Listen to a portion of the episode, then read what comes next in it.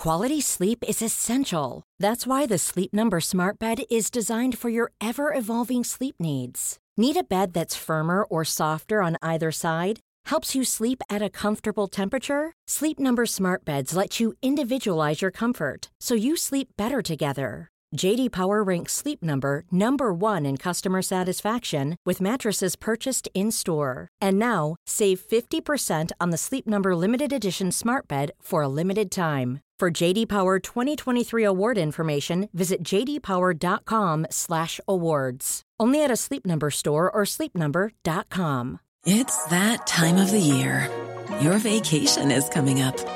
You can already hear the beach waves, feel the warm breeze, relax, and think about work. You really, really want it all to work out while you're away. Monday.com gives you and the team that peace of mind. When all work is on one platform and everyone's in sync, things just flow wherever you are. Tap the banner to go to Monday.com.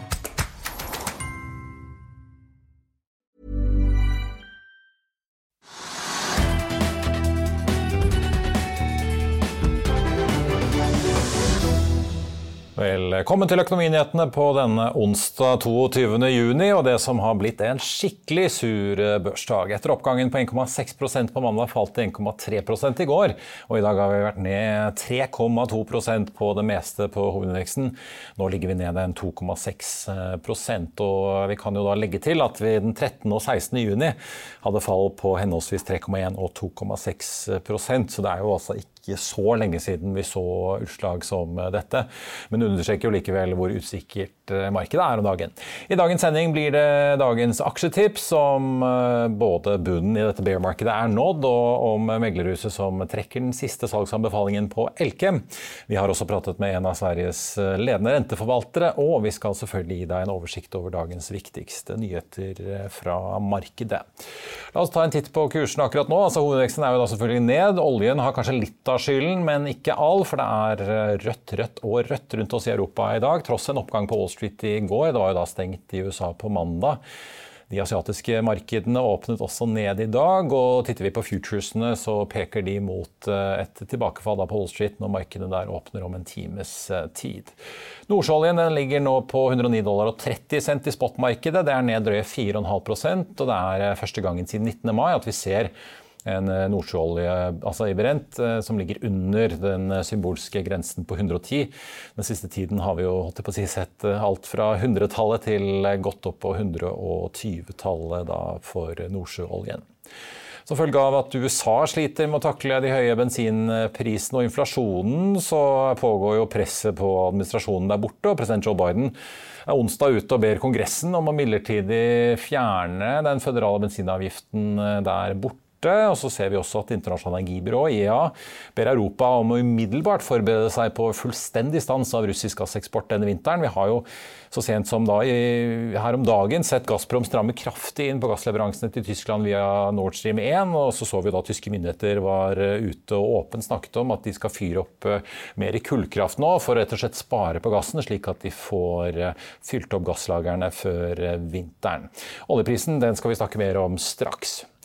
I tillegg ser vi at Nordic Nanovektor og Bergen Bio trekker ned hovedindeksen, sammen, trekker ned hovedindeksen i dag, sammen med Hexagon, Aker BP og Movi. Aker BP er ned 4,5 i dag, Equinor 2,7 og da får jo Equinor kanskje litt drahjelp av gassprisen.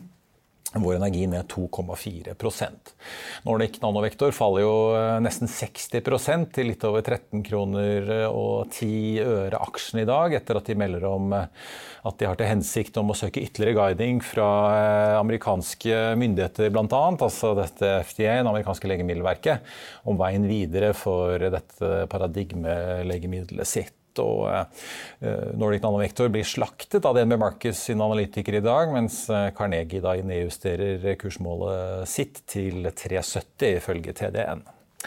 Movi-aksjen faller jo kraftig i dag, som en av de store taperne er ned 7 til 220 kroner omtrent. Det skjer etter at eh, den belgiske storaksjonæren GBL har lempet ut aksjer i Movi for 4,2 milliarder kroner. Det er halvparten av aksjeposten deres.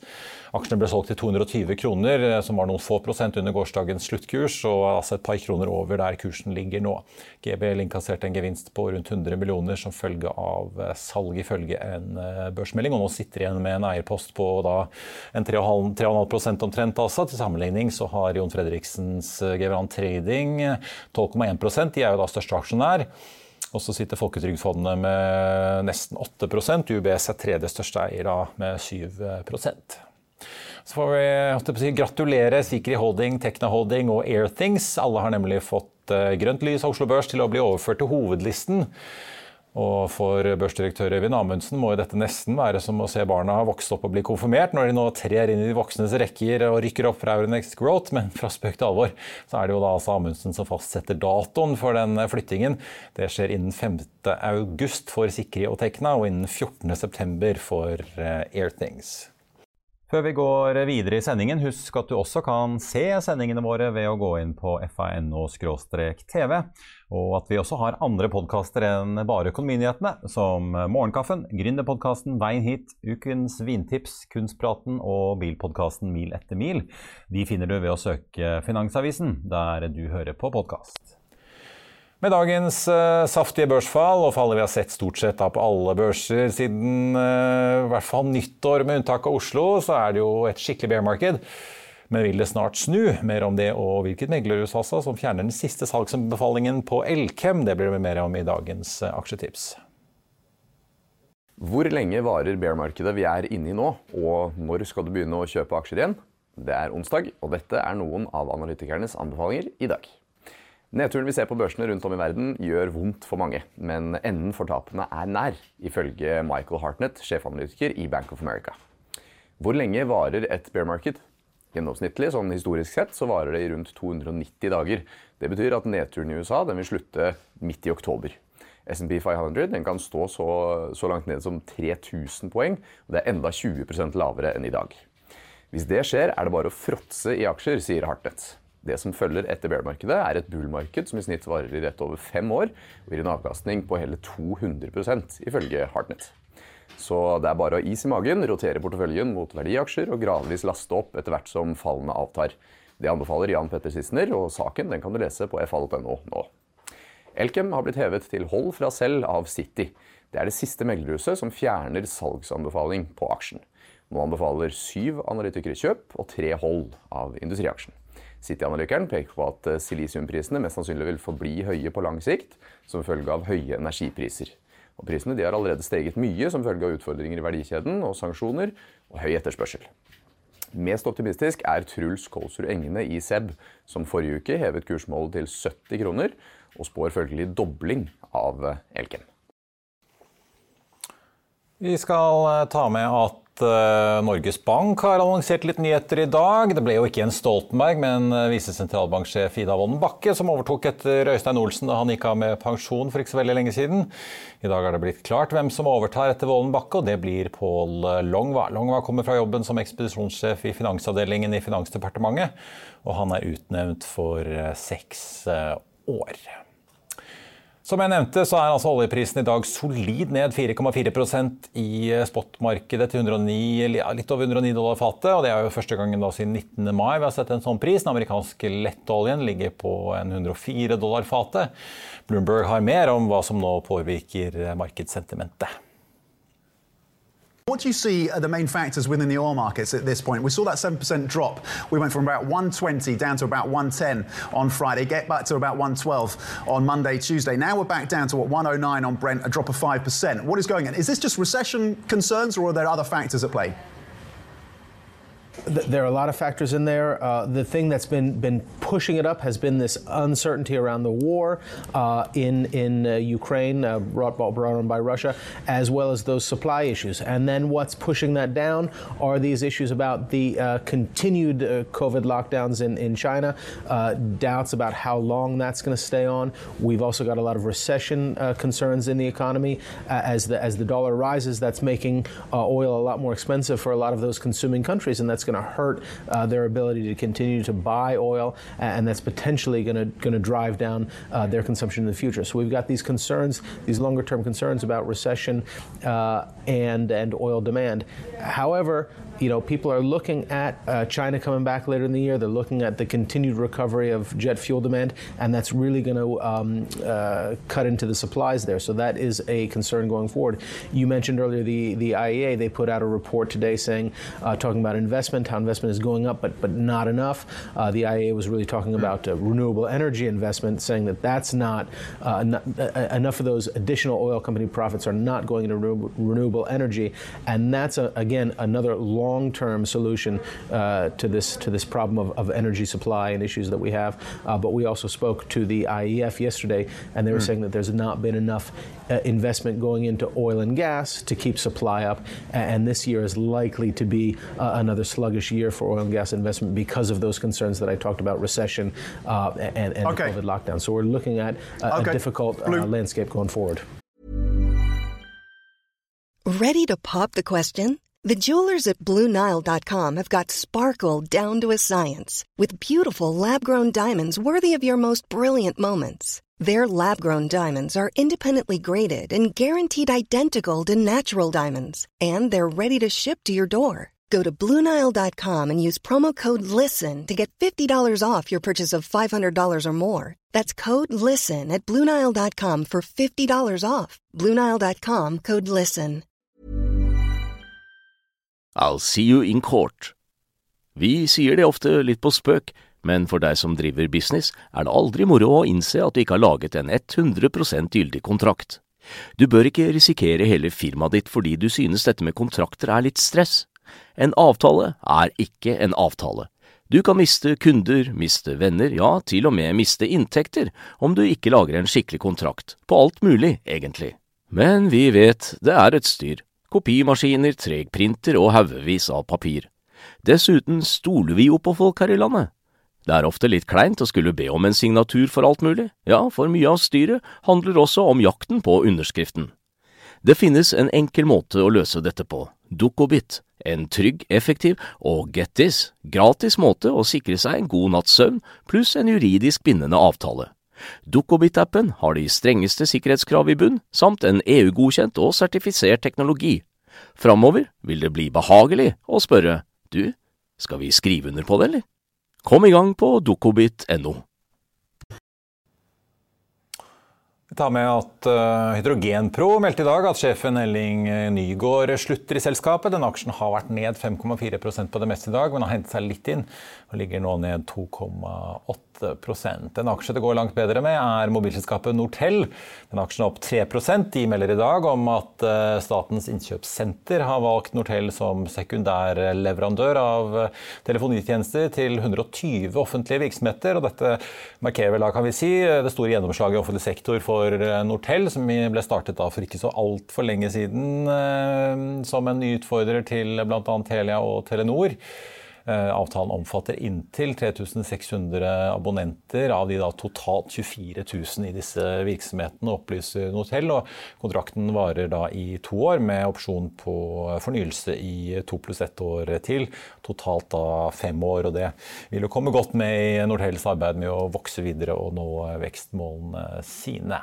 Vi skal titte på restruktureringen i Doff, som har blitt lansert i dag litt senere. Men først skal vi over til dagens gjest. Det er jo et ustabilt aksjemarked i dag, og det har det vært en god stund også. Nå skal vi over til eh, dagens gjest som følger et helt annet marked, men hvor folk også plasserer pengene sine, nemlig renter og obligasjoner.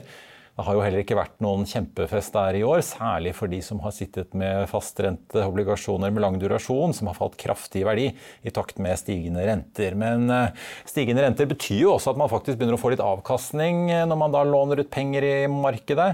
Så er det en åpning her. Vi tok en prat med Mona Stenmark i Carnegie Fonder i Stockholm litt tidligere i dag.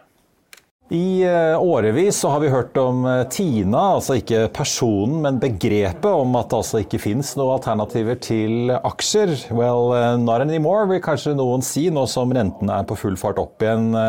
Og kanskje gjør nettopp rentepapiret litt mer interessant igjen. Vi har med oss nå Mona Stenmark, kredittforvalter i Carnegie Fonder fra Stockholm. Takk for at du er med oss, Mona.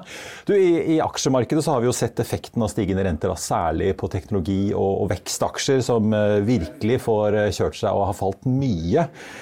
Rentemarkedet har jo vært krevende i flere år, egentlig med lave renter. Nå ser vi jo da rentenivået eh, tikke oppover ganske fort. Kan ikke du beskrive litt hvordan eh, markedet du opererer i har vært i år? Ja, men det har ju varit ett väldigt turbulent år för kreditmarknaden och det inleddes ju naturligtvis med kriget i Ukraina och sen fick vi nedstängningar i Kina. Och i spåren av det en ökad inflation och det tvingade ju centralbanken att agera så vi har ju sett eh, globala ränteuppställ. Eh, och volatiliteten i marknaden har ju gjort att eh, den har varit hög och därför har osäkerheten bland investerare varit väldigt stor. Och det finns också en osäkerhet kring de ekonomiska utsikterna när vi blickar längre fram. Så allt det här sammantaget har ju lett till stigande kreditmarginaler och, och där har vi, har vi haft en, en, ganska tuff kreditmarknad. Men eh, med det sagt så öppnar det också upp för lite möjligheter om man blickar framåt. Ja, hvis man, i hvert fall hvis man ser på disse famøse amerikanske statsobligasjonene, så begynner man jo faktisk å få en ganske grei avkastning eh, til nær, tilnærmet av null eh, risiko. Tiåringen har vel økt fra en, en 1,7 omtrent til nå i eh, nesten 3,5% på få måneder. Har du sett noe lignende på så kort tid før? Nej, det har ju gått otroligt snabbt och jag tror att just genom att vi fick en sån så hög inflation, vi har inte sett en sån här hög inflation på decennier och, och, att det fick centralbanken att agera väldigt aggressivt. Så att det, det är en utveckling som vi inte tidigare har sett, en utveckling som har gått så snabbt. Du, eh, du, sitter jo og forvalter, er med og forvalter tre fond hos dere. Carnegie Investment Grade, likviditet og obligasjon. Eh, og Det er jo da ganske interessant å se hvor stor forskjellen er, det avhengig av hvordan disse fondene er posisjonert. Eh, Carnegie obligasjon er vel da kanskje unntaket ned 10% i år. Som jo litt vel enkelt sagt skyldes at man sitter med mye lange renter, og dermed så faller jo verdien ganske kraftig når rentenivået går oppover. Kan du si litt om hvordan, hvordan vurderer dere prisingen, og er på en måte all den forventede renteøkningen fra sentralbankene priset inn, eller kan disse obligasjonene falle enda mer i verdi, sånn som du vurderer det? Ja, som du sa, det har vært et tøft år for obligationsfonden og for langrentefonden generellt så klart i denne miljøen. Men blikker vi framåt så ser vi framfor alt at det er i kortenden som rentene kommer til å stige. Og de korte rentene har jo en mer marginell effekt på, på denne fonden. Eh, og i de lengre rentene så har vi jo redan sett et reelt uppställ. Och eh, mot bakgrund av att det också finns en osäkerhet kring hur en stram penningpolitik kommer att eh, påverka den långsiktiga tillväxten så kan det vara rimligt att tro att det i alla fall finns en, en viss möjlighet att vi konsoliderar på de här nivåerna. Sen är det ju alltid svårt att säga om exakt hur mycket som faktiskt är inprisat. Ja, er det på en måte er det ett eller to rentemøter til i Fed og, og den svenske sentralbanken eh, dere må få fasiten og resultatet fra før du tør å si at nå, nå er vi på bunn? Ja, nej, men förväntansbilden är ju att centralbankerna kommer att gå ut hårt. Eh, men som sagt, vi ser ju också, tittar vi på den svenska räntekurvan så eh, flackar den ju ut efter femårspunkten och det är ju en indikation på att det finns en osäkerhet för den Ehm, den ekonomiska tillväxten längre fram. Eh, och det, det tror jeg er kanskje viktig att, å ha med seg. Du, jeg snakket jo litt om det i starten, her, denne Tina-effekten. At det ikke er noe alternativ til aksjer, som jo har vært mantra i mange år, eh, med, med så å si null eller negative renter mange steder. Eh, ser dere tegn til at investorer allokerer mer kapital over i rentepapirer nå, med, med, øke, med høyere renter i hvert fall? Altså, eh jag kan ju inte påstå att vi har sett ehm, eh, en stor förändring just nu, men jag tror att eh, investerare alltmer kommer att få upp ögonen för räntefonder. Eh, våra fonder består ju till stor del av obligationer med rörlig ränta, där Stibor är den underliggande räntekomponenten. Och det är klart att efter höjningen från Riksbanken så har vi sett Stibor stiga. Eh, och det innebär ju då ett positivt räntebidrag i fonderna och Riksbanken har ett budskap om att det kommer bli fler höjningar framöver så då finns det förutsättningar för ytterligare räntebidrag som då skapar en positiv avkastning i fonden. Och till det ska man ju lägga då att kreditmarginalerna har, eh, nu befinner sig på mycket högre nivåer och det bidrar ju också till fondernas avkastning. Så att istället för TINA så tycker jag att vi pratar om TARA, there are reasonable alternatives. Så att jag tror att investerare kommer att få upp ögonen för de här fonderna du, ja, er, vi merker oss eh, Tara, det er den nye, nye brandet holdt jeg på å si, i, i bransjen. Du, eh, hvis man da er veldig usikker på hvor dette markedet skal gå, og man kanskje sitter og, og, og vurderer om vi får se en resesjon i USA eller ikke. Som renteinvestor, hva handler det om da, hvis du skal gi deg selv litt opsjonalitet? da? Handler det om å sitte mest mulig i, i papirer med flytende renter, eller? Ja, för vår del då, om man bortser från vår obligationsfond, så arbetar vi ju konstant med kort ränteduration. Vi vill ju fokusera på ränterisken och fokusera, förlåt, fokusera på kreditrisken och eh, minimera ränterisken. Och det gör vi ju eh, just genom att till majoriteten investera i obligationer med, med rörlig ränta. Eh, och vi ser ju också att det är väldigt viktigt med likviditet och diversifiering och det är ju någonting som vi strävar efter både i termer av olika länder i Norden, olika sektorer, hållbara obligationer och vi ser också till att vi inte har något enstaka dominerande innehav i fonderna utan att de, de är väl diversifierade. En annan aspekt är också marknadsrisken och den vill vi ju begränsa och det gör vi genom att ha en begränsad kreditduration, det vill säga vi tar inte allt för långa löptider eh, när vi investerar i obligationer. Til slutt vil jeg snakke litt om, om, sektorer. Eh, for Du har jo vært ute og skrevet om eiendom. Eh, hvor du altså sier det er en ca. 410 milliarder lånt i det nordiske obligasjonsmarkedet. Mange har jo kjøpt eh, storeiendommer med, med ganske lav yield, så nå er under si, fullt angrep av en stigende rente. Hvor, eller bør man være bekymret for eiendomssektoren og dens evne til å rett og slett klare seg med, med renter på full fart oppover? Jo, men det är helt klart en mycket tuffare miljö för fastighetsbolagen, för de har jo under flera år haft en väldigt gynnsam miljö att verka i just med, med låga räntor. Och vi har jo sett en marknad som har varit väldigt transaktionsintensiv och som du säger även stigande fastighetsvärden. Och nu är vi ju i en helt ny miljö hög inflation och höga räntor och det är klart att det kommer att bli en utmaning för många bolag. Ehm, det finns ju en oro för refinansieringsrisken speciellt. Det är ju många bolag som har diversifierat sig från bank till obligationsmarknaden. Ehm, men man ska också komma ihåg att flertalet bolag har ju fortfarande möjligheten att vända sig till bank för sin upplåning. Og och en annan aspekt är att många bolag också har inflationsskyddade hyreskontrakt och det kan ju till viss del eh, mitigera effekten också. Sen ska man ju också tänka på att just genom att fastighetsbolagen har haft en lång period av goda år bakom sig så har de ju lyckats skapa en buffert eh, för att klara av tuffare tider. Man har förlängt sin kapitalbindning, man har förlängt sin räntebindning, man har utrymme i sina nyckeltal. Eh, det kan ju vara vikt till exempel för sin kreditrating. Så att ehm, jag, jag, tror det är en tuffare miljö men många bolag står väl rustade inför att möta det här och framförallt kanske i, i den sektorn som, som vi verkar i, investment grade framförallt. Eh, men med det sagt så trycker vi på att det är väldigt viktigt att man är selektiv för varje bolag är ju unikt och har sin situation. Så att eh, vi har minskat vår exponering eh, något i, i fastighetssektorn men vi tycker fortfarande att det är som sagt ingen, ingen risk för något katastrofscenario men, men viktigt att vara, vara selektiv och se till att man väljer de bolag som ändå står väl rustade finansiellt inför en mer turbulent tid eller en tuffare miljö. Ja, jeg ser ikke, for Dere har jo tatt ned eksponeringen litt som du sier i, i, i eiendom, da, men også økt i industri. Fortell litt om den vurderingen som ligger bak der. Eh, ja, nej men, eh, vi har ju sett nu, vi har haft en, en tuffare miljö på kreditmarknaden och vi har sett kreditmarginalerna gå isär. Och det gör ju att det uppstår väldigt intressanta möjligheter när kreditmarginalerna är på så pass höga nivåer och man kan hitta stabila kvalitetsbolag eh, till väldigt eh, attraktiva nivåer. Så där har vi ju passat på att investera i bland annat i industri eh, men även investmentbolag där vi ser flera emittenter som, som vi gillar. Så att man kan väl säga att vi har eh, försökt vara opportunistiska i den här miljön där vi ändå ser väldigt många intressanta investeringsmöjligheter som man alltid kan göra efter en tid av, av turbulens.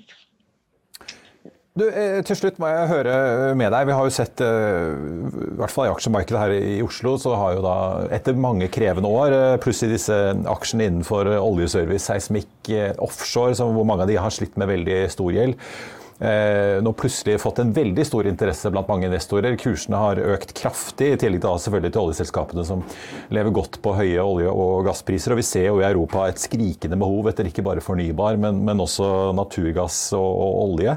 Nå som man skal prøve å fri seg fra Russland. Hvordan ser det ut i obligasjonsmarkedet? Er det en, en økende interesse for å investere i eh, ikke bare grønn, men også brun og sort energi? Ja, nej, det skulle jag väl inte säga. Åtminstone för vår del så, så ser vi ju en ganska stor begränsning i de här sektorerna just utifrån ett hållbarhetsperspektiv. Eh, och det är också en lite mer begränsad del av, av det svenska universet och investment grade-universet. Så att eh, för vår del så, så gäller inte det. Mona Stenmark i Carnegie-fondet, takk skal du ha for at eh, du var med oss. Og så blir det jo spennende å se hva ikke minst Jerome Powell da sier på rentemøtet i juli. Vi skal holde oss litt i obligasjonenes verden, eh, for i går kom eh, offshorerederiet Doff med meldingen om kontraktsfornyelser i Brasil med Petrobras. Og det sendte jo aksjen opp hele 10,4% Men i dag så kom den meldingen som mange har ventet lenge på. Doff har nemlig fått på plass en restruktureringsplan som de har jobbet med helt siden andre kvartal 2019. Meldingen har fått aksjen til å stupe 47 på det meste på Oslo Børs i dag. Nå ligger den ned rundt 41% til litt over 1 krone og 20, etter at selskapet altså meldte at de har kommet til enighet med en stor del av kreditorene om en større restrukturering i konsernet. Så la oss eh, ta en titt på hva dette egentlig går ut på. Doff og Doff Subsea og hele grupperingen har nå rundt 18,7 milliarder kroner i gjeld, og Doff har jo vært helt åpne på at dette vil de ikke klare å betjene, selv om det har blitt litt bedre tider i offshorenæringen. Nå har de da fått til en enighet med det de kaller en betydelig gruppering kreditorer og andre aktører. Det inkluderer da 40% av obligasjonsgjelden, og også største aksjonær Møgster-familien, som da sitter på en 31,6 Eh, av eh, aksjene i dag, altså som støtter pakken. Gjelden den kuttes med 5,7 milliarder kroner gjennom konvertering på tvers av alle siloer i gruppen, som Doff beskriver det som. Og de regner da med å sitte igjen med en gjeld på 13 milliarder kroner, litt selvfølgelig avhengig av valutakurser og utviklingen der underveis. Rentekosten til Doff skal halveres gjennom denne planen, og de rydder også opp i en del andre lånestrukturer for å samle ting og gjøre litt justeringer i vilkår. Resultatet er at dagens eiere av Doff blir sittende igjen med rundt 4% av selskapet. Kursfallet priser da dagens egenkapital til bare litt over 370 millioner kroner. Så har vi da obligasjonseierne som konverterer gjeld over til aksjer. De blir sittende igjen med 53,3% omtrent av selskapet får vi ta med at BND ES Banken ikke er med i eh, selve pakken, men Doff opplyser at de eh, støtter eh, forslaget da, som ligger på bordet. Så kommer det også frem i børsmeldingen fra Doff at de akter på et nytt styre. Og som du kan lese i et intervju med konsernsjef Mons Aase på FA nå, så er det ingen emisjonsplaner i Doff for å hente enda mer ny, frisk kapital inn. Dette handler altså da om å kvitte seg med gjeld. Da skal vi ta en titt på markedet nå på tampen av eh, dagen. Det har kommet børsmelding fra AF-gruppen om at de er innstilt eh, av Equinor for en ny kontrakt i Hammerfest da, for å gjøre en del vedlikeholds- og modifikasjonsarbeider på eh, LNG-anlegget på Melkøya, som jo nylig åpnet opp igjen etter denne brannen i september 2020.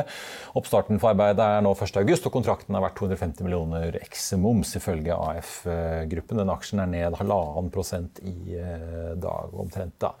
Doff eh, ned fortsatt 40,3% til 1 krone og 23 akkurat nå, med denne omfattende restruktureringsplanen som er lagt på bordet. Movi ned 8,8 ja, 6,8 faktisk prosent nå etter dette storsalget av den belgiske storaksjonæren som lempet under halvparten av aksjene sine. Så får vi ta med da Nordic Nanovektor ned 55% etter denne meldingen om at de eh, gjør vurderinger av veien videre for eh, legemiddelparadigme. Hydrogenpro ned 2,3% etter sjefsbytte, og Nortel opp fortsatt av 3% etter meldingen om telefonen telefon- og mobilkontrakten med staten, får vi si.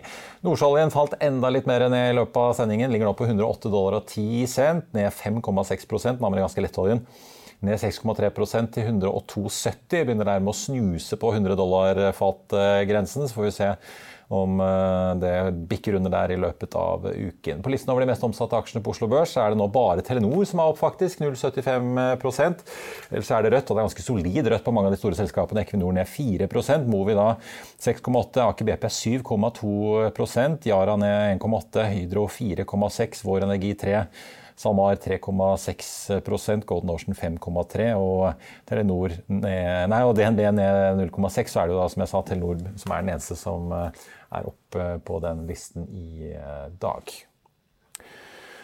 I Finansavisen i morgen så skriver Trygve om rentebøtte i Norges Bank. Du kan lese om Jan Petter Skisner, Ole Petter Kjerkreit og Peter Heimanrud, som har shortet den svenske eiendomsaksjen SBB, som er under kraftig press, og der selskapet jo har vært ute og måttet korrigere regnskapene sine og ta ned verdiene litt. Du kan også lese mer om nye eiere i Sparebank1 Markets, og om DNB Markets, som hever prognosene for hvilke rentehevinger de forventer fra den europeiske sentralbanken i tiden fremover.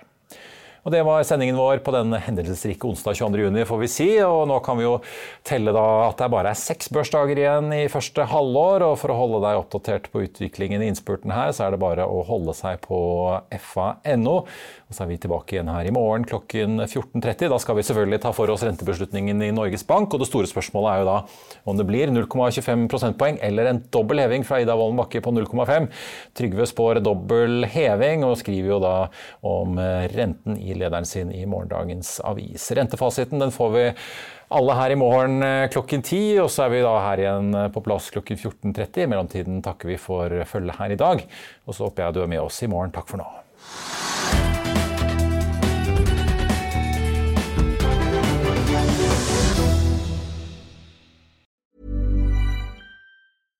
Small details are big surfaces. Tight corners are odd shapes.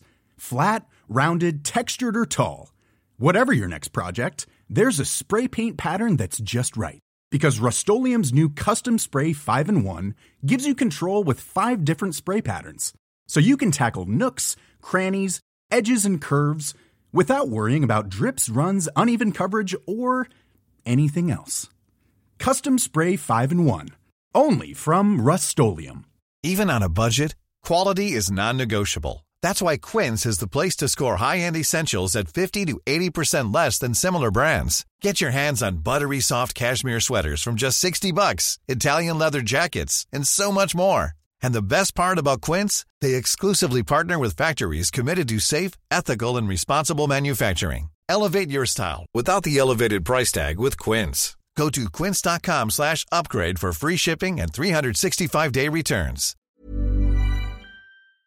Økonominyhetene er en podkast fra Finansavisen. Programledere er Marius Lorentzen, Stein Ove Haugen og Benedikte Storm Bamvik. Produsenter er Lars Brenden Skram og Bashar Johar. Og ansvarlig redaktør er Trygve Hegnar.